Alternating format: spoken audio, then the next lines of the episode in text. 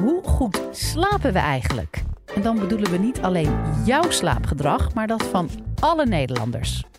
Annemarie Luik is epidemioloog bij het Erasmus MC en heeft meer dan 100.000 Nederlanders bevraagd over hun slaap. Haar bevindingen deelt ze met je in dit college.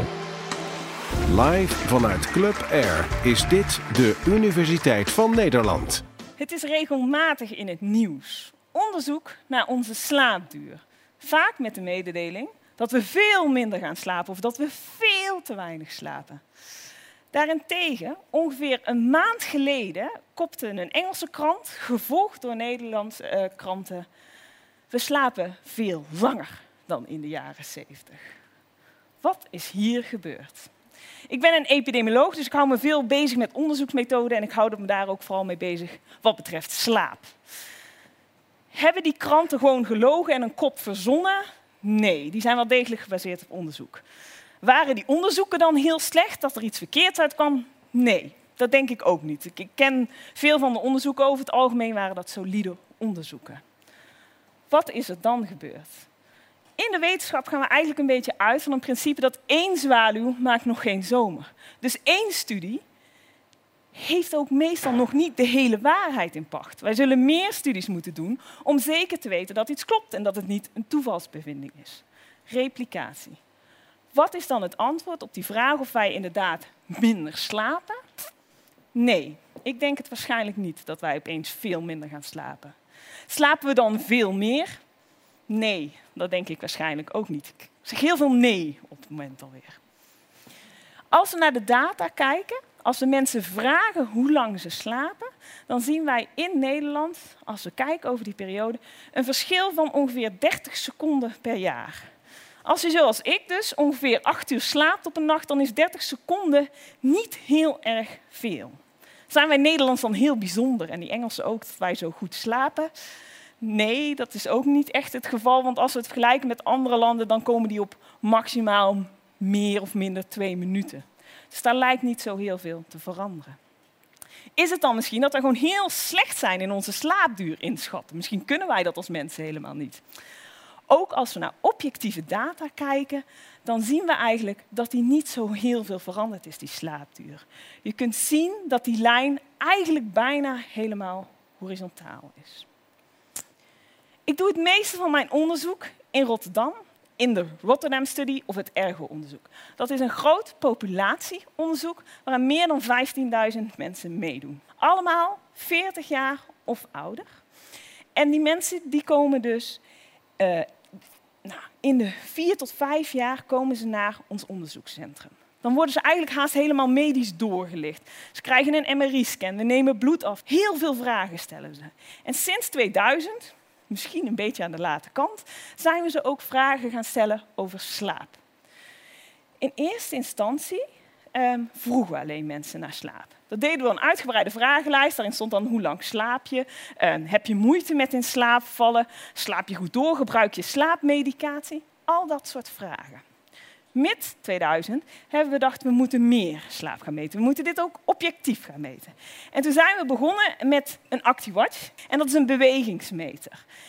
Die meet de beweging aan de pols. En op basis daarvan kunnen wij inschatten of iemand slaapt of dat iemand wakker is. Maar er zit natuurlijk een dikke maar aan, want die kan ons alleen vertellen of je slaapt of niet slaapt. Niet hoe diep je slaapt.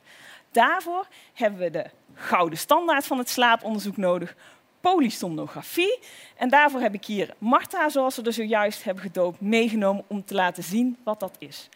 Polysomnografie betekent niets anders dan veel meten tijdens de slaap. Kijk nog een keer naar Marta en dan denk je misschien wel, nou, was best een goede naam voor dat onderzoek. Wat meten we dan allemaal? We meten een EEG, dat is de hersenactiviteit en daarin kunnen we zien hoe diep iemand slaapt.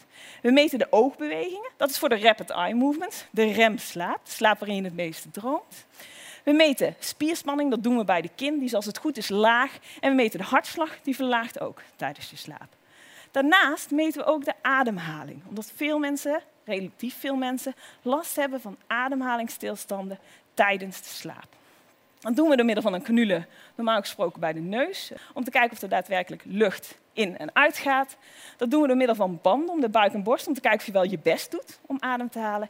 En een saturatiemeter om de vinger die het zuurstofgehalte in je bloed aangeeft. En met dat allemaal op vragen wij dan onze deelnemers om een nacht te slapen. En ja, inderdaad, ik hoor het gelach. Ik zie jullie al denken, mm, dat kan niet. Uit eigen ervaring kan ik stellen, ja, dat kan wel. Ik slaap er heel prima mee. Nu ben ik waarschijnlijk een beetje veroordeeld, want ik weet precies wat er aan de hand is. Maar ook onze deelnemers uh, slapen daarmee. Waarschijnlijk iets minder dan normaal. We hebben maar één nacht, dus dat weten we niet helemaal zeker. Uh, er zijn zelfs mensen die zeggen dat ze er beter mee slapen. Dat is echt waar, dit verzin ik niet.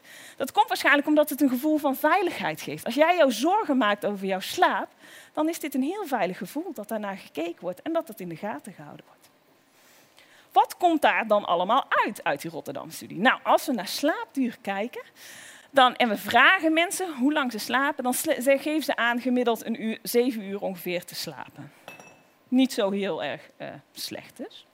Meten we het met die actimeter, dan komen we uit op 6,5 uur, dan wordt het dus iets lager. Meten we het met die polysomnografie, dan wordt het 6 uur en een kwartier. Dus het heeft waarschijnlijk wel degelijk ook wat effect op onze slaap. Maar dat gaat allemaal over slaapduur. En slaap is natuurlijk veel meer dan alleen slaapduur. Er zijn heel veel andere dingen ook belangrijk over slaap. Hoe is je slaapkwaliteit? Word je uitgerust wakker? Hoe lang duurt het voordat je in slaap valt? Hoeveel diepe slaap heb je? Hoeveel remslaap heb je? Allemaal heel belangrijk. We hebben in die vragenlijsten mensen ook gevraagd naar hun slaapkwaliteit. Heel erg uitgebreid. En dan rapporteert 30% van de mensen een slechte slaapkwaliteit. Dat is in deze zaal ongeveer 60 mensen. Ik ben echter mijn praatje zojuist begonnen met te zeggen: één zwaluw maakt nog geen zomer. En ik heb nu de hele tijd over één studie gepraat. Dus, wat hebben wij gedaan? Wij hebben data verzameld van heel veel studies in Nederland. In totaal van 200.000 Nederlanders. Die mensen zitten ook in een leeftijd van 1 tot en met 100. Dus in plaats van dat ik nu alleen nog iets kan zeggen van 40 jaar en ouder, kan ik nu ook iets zeggen over kinderen, jeugd, waarschijnlijk meer de leeftijd van dit publiek ook. Wat vinden we daar dan in? Zoals je hier ziet is leeftijd een hele belangrijke factor in je slaapduur. Een kind tussen de 3 en 5 slaapt ongeveer 11,5 uur. Um, als je ouder bent dan 65 wordt dat ongeveer 7 uur. Dus daar zit een groot uh, verschil tussen ook hier hebben we natuurlijk gekeken naar die kwaliteit. Want ik heb net gezegd, ja, maar de kwaliteit van slaap is ook belangrijk. Dat hebben we hier ook gedaan. We zien dat 10 tot 20 procent van die mensen, van die Nederlanders, als ze ernaar vragen, aangeeft een slechte slaapkwaliteit te hebben. We zien dat 10 tot 20 procent van de mensen zegt problemen te hebben met in slaap vallen. En we zien dat 10 tot 20 procent van de mensen moeite heeft met doorslapen. Er zijn natuurlijk mensen die alle drie die klachten hebben, maar er zijn ook mensen die maar één van die klachten hebben heeft. Dus dat komt eigenlijk een beetje overeen met die 30% uit de Rotterdam-studie. Als ik jullie vraag, wie heeft er afgelopen week een slechte nacht gehad? En daarmee bedoel ik of moeite gehad hebben met in slaap vallen, moeite hebben met doorslapen, of, of te vroeg wakker worden, of dat je heel onuitgerust wakker werd. Mag ik handen zien? Wie heeft zo'n nacht gehad de afgelopen week? Ik zit echt veel hoger dan de 60 die ik voorheen uh, predikt had. Dat was, moet ik zeggen, over langere periode.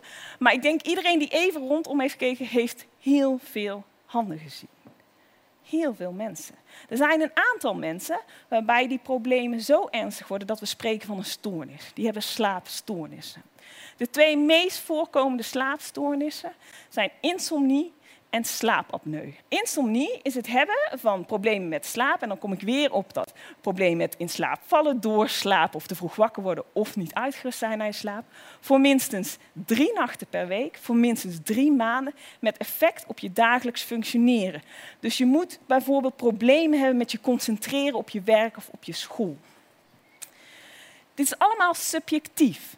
Dus je hoeft niet daadwerkelijk een korte slaapduur te hebben. Jij moet het als zo ervaren. En insomnie komt veel voor. Als we echt kijken naar de diagnostische criteria, dan is 1 op de 10 die hier de criteria van ontmoet. Um, 4 op de 10 heeft symptomen van insomnie. Dan kun je dus bijvoorbeeld aan iemand denken die het nog maar twee maanden heeft, maar ook aan iemand die daar geen, tijdens zijn dagelijks functioneren geen last van heeft. Veel mensen dus. De andere veel voorkomende slaapstoornis is slaapapneu. Dit zijn ademhalingsstilstanden tijdens de slaap. Dus dit houdt in dat eigenlijk iemand zijn adem onbewust inhoudt. Dus die doet. En dan begint hij opeens weer, meestal met hele rare geluiden, adem te halen. Die rare geluiden doe ik nu even niet voor. Maar geloof me, uh, dat gebeurt. En als je nu denkt, goh, dit vertelt mijn partner mij altijd dat ik dit doe. Of je denkt, goh, dit doet mijn partner altijd. Um, dan is het misschien slim om een keer te googlen op slaapapneu. Want we weten dat we zelf die ademhalingsstilstanden niet doorhebben. Dus als ons lichaam alle zeilen bijzet om weer te gaan ademen, dan worden wij niet bewust wakker. We hebben het gevoel dat we gewoon doorslapen. Dus als ik een slaapapneupatiënt vraag, hoe slaapt u?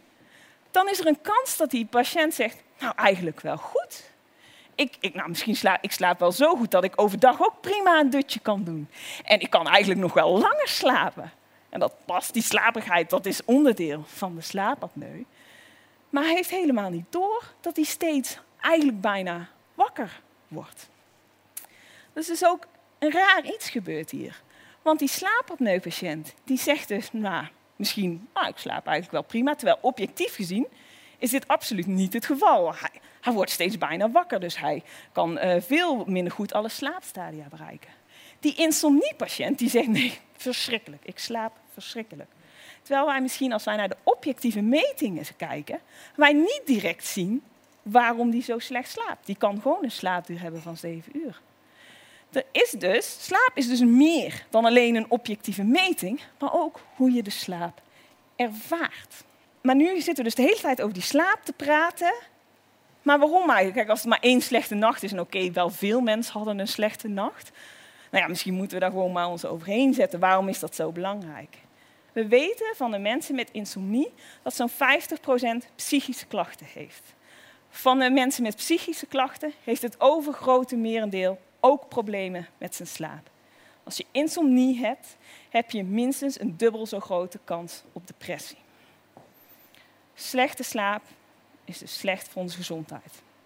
Maar kunnen we dat ook omdraaien? Kunnen wij ook, als wij onze slaap verbeteren, wordt onze gezondheid dan ook beter? Daarvoor hebben wij gekeken in een heel groot trial.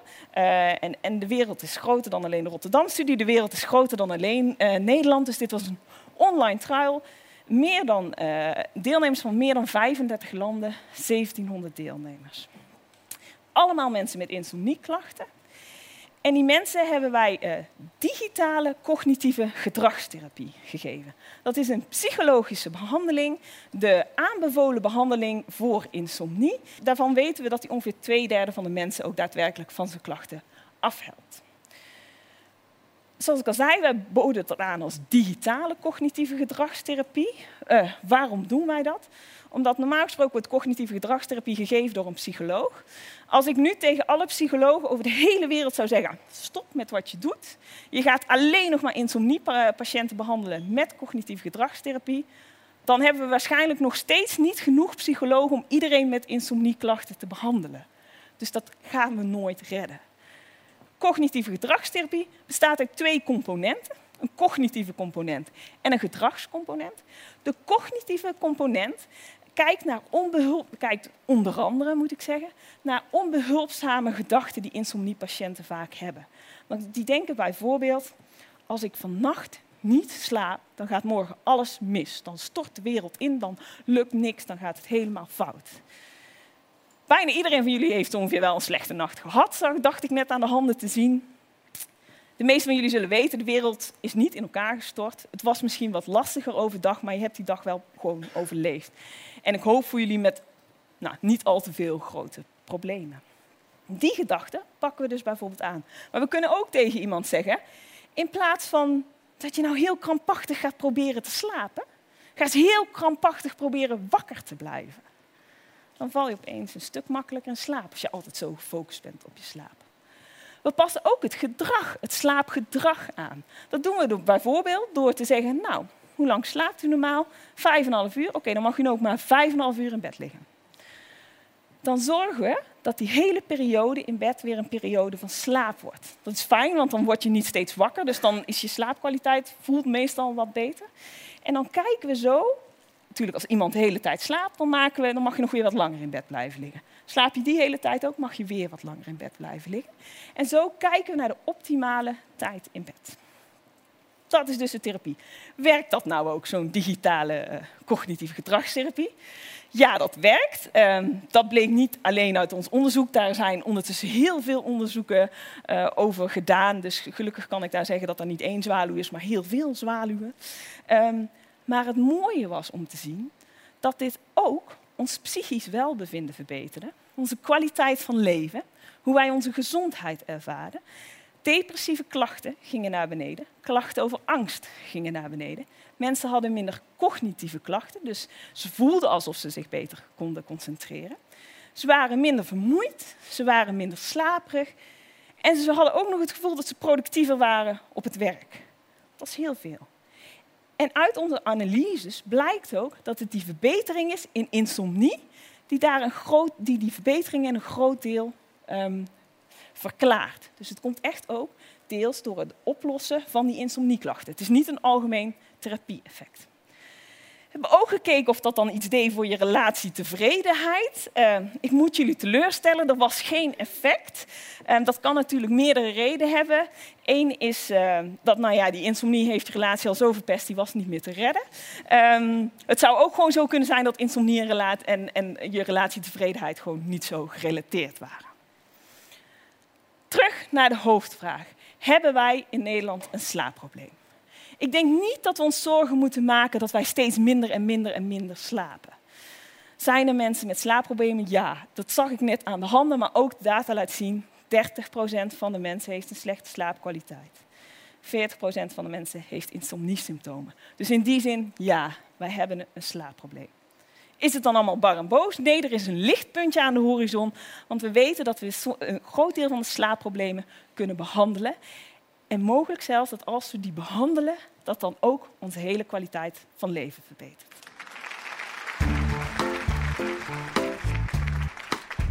Dit was de Universiteit van Nederland. Wil je nou nog meer horen, bijvoorbeeld over de vraag waarom zoveel millennials kampen met een burn-out? Of hoe je een oogbal kunt bioprinten? Check de hele playlist.